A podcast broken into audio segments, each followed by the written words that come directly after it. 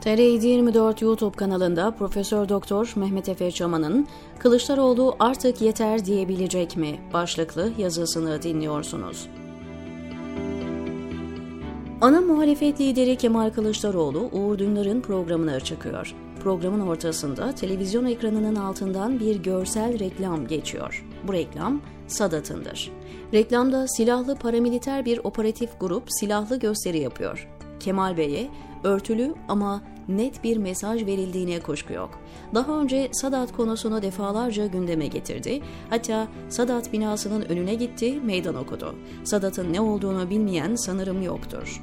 Türkiye'de rejim değişikliği gerçekleştikten sonra o rejimin bir ayağı Avrasyacı Ergenekoncu derin yapılar ve MHP ise diğer ayağı nefsine yenik düşmüş gecekondu gülü yolsuz İslamcıların yuvası AKP ürüne dadanan çekirgeler gibi ülkenin siyasi, hukuki, ahlaki, diplomatik, bürokratik, ekonomik varlığını bitirdiler.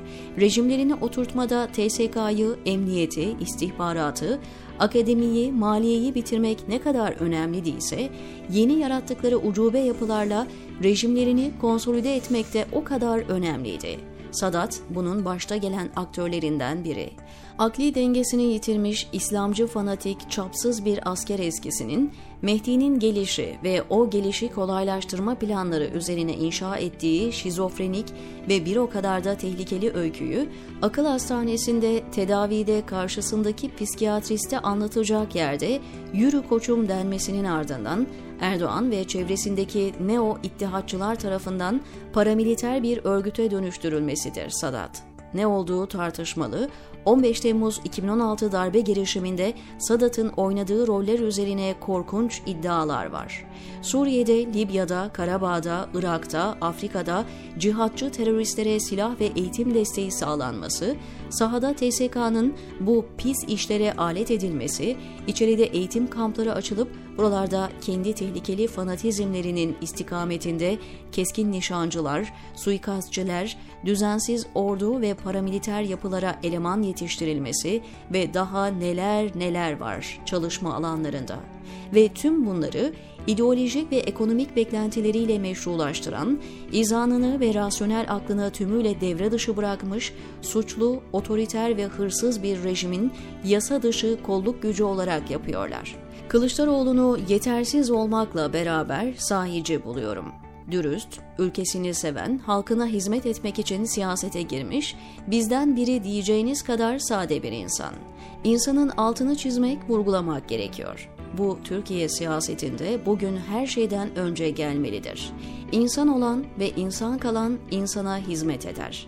Kendisini halkın üzerinde gören, sınıf atlayıp çıktıkları fakr zarureti unutan, monarklaşan, hatta ilahlaşan figürlerin derin patolojisinin yanında sizin gibi, benim gibi, sıradan diğer insanlar gibi birinin ana muhalefetin başında olması önemsenmeli. Ve bu insana çıktığı bir televizyon kanalında açıktan mesaj veriliyor, ayağına denk alması ima ediliyor. Kılıçdaroğlu durumu doğru teşhis etmiş. Silah ve suikast tehditleri geliyor. Son uyarılarını yapıyorlar, diyor. Onu hiç bu kadar hiddetli ve sinirli görmedik. Belli ki tehlike sanılandan büyük, kendisinin bile beklemediği kadar sıkıntılı bir sürece giriliyor. Gafiller, be şerefsizler, be akılsızlar, be müptezeller, be çakallar diye tepki verirken satır aralarında bu şaşkınlığın yarattığı tepkiyi görmek mümkün. Siz mi beni korkutacaksınız derken aklı başında herkesin ülkenin girdiği bu tehlikeli dar boğazdan korkması gerektiği mesajını okuyorum ben.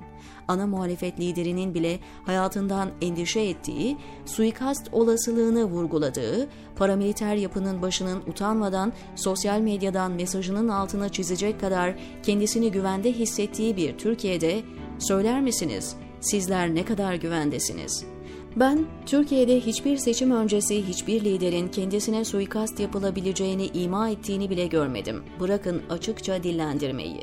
İyi kötü 1980'lerden beri Türkiye siyasetini yakından takip ediyorum. En karambol askeri rejim dönemlerinde bile siyasetçiler can güvenliği kaygısı taşımadılar. Kılıçdaroğlu'nu küçümseyenler onun şu sözlerine dikkat etsin. Sizin önünüzde diz çöküp yaşamaktansa ayakta ölmeyi tercih ederim.''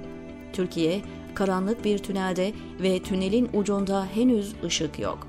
Ben bu siyasi iklimi çok tehlikeli buluyorum.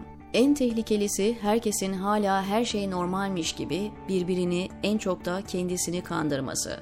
Her şey normal değil demek yetersiz. Hiçbir şey normal değil. Normal olan hiçbir şey kalmadı. Son kaleler çoktan düştü. Yüksek Seçim Kurulu, üst yargı, bağımsız mahkemeler, askeriye, üniversite, sivil toplum, sanayiciler, bürokrasi tümü içine mürekkep dökülmüş su gibi oldular. Türkiye'nin mayası bozuldu. Türkiye'yi bir arada tutan ve ona istikamet veren ne varsa dejenere oldu. Bu kendi kendine olmadı. Bunu bilerek ve isteyerek yaptılar.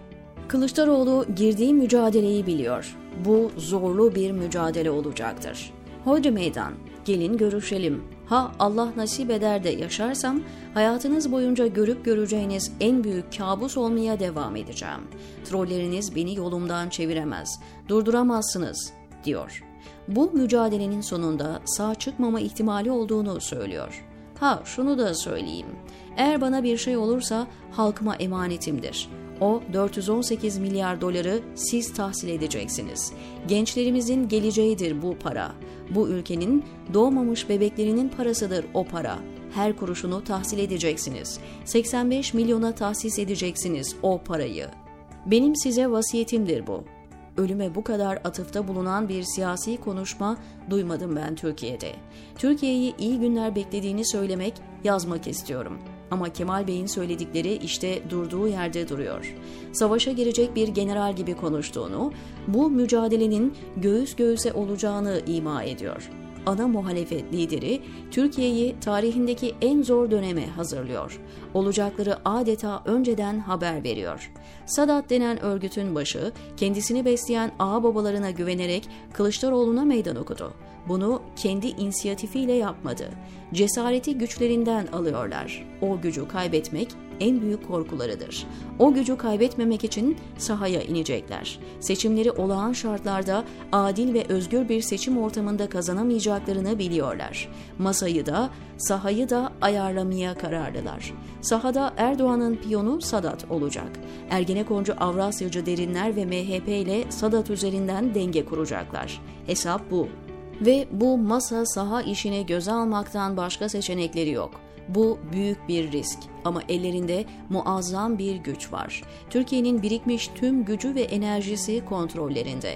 17 Aralık ve 15 Temmuz arasında ordudan istihbarata, jandarmadan polise, bürokrasiden ekonomiye, Türkiye'deki tüm kilit köşe başlarını tuttular. Muhalefet ise hala rejimin diskurunu kullanıyor ve onun dümen suyunda hareket ediyor. Kılıçdaroğlu bile hala meseleye parasal açıdan yaklaşıyor.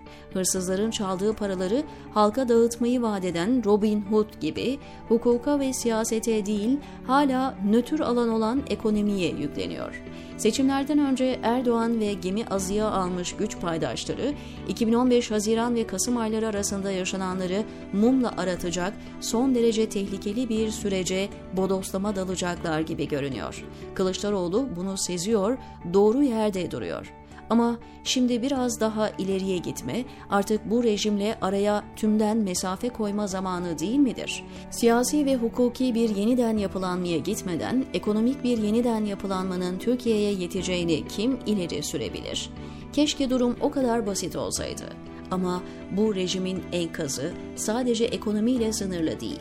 Bunu Kılıçdaroğlu'nun ve diğer altılı masa paydaşlarının gördüğünü düşünüyorum. Kürtleri de kapsayan, Türkiye'de rejimin sillesini yemiş tüm mağdurlara pansuman olacak bir tedaviye ihtiyacımız var. İslamcıları ve Avrasyacıları bir daha iktidara hiçbir zaman gelemeyecekleri kadar net bir mağlubiyete uğratmak dışında bir kurtuluş seçeneği yok. Bunun yolu 17 Aralık ve 15 Temmuz arasında oluşturulan diskurun yapı sökümü ve komple ortadan kaldırılmasıdır. Türkiye için 100. yıl bir yeniden kuruluş yılı olmalıdır. Yanlış iliklenen düğmeleri açıp yeniden iliklemek ve Cumhuriyet'in ve Türkiye Devleti'nin DNA'sını tedavi etmek gerekiyor. Tek yol bu hırsızlar ve darbeciler ittifakını sokağa çıkmaya cesaret edemeyecekleri kadar sağlam ve düzgün, anayasaya ve yasalara tartışmasız olarak bağlı, asgari müştereklerde bütünleşmiş, demokratik bir muhalefet cephesiyle durdurmak. Kılıçdaroğlu artık yeter dediği anda bu iş kotarılır diyebilecek mi? diyor Mehmet Efe Çaman TR724'deki köşesinde.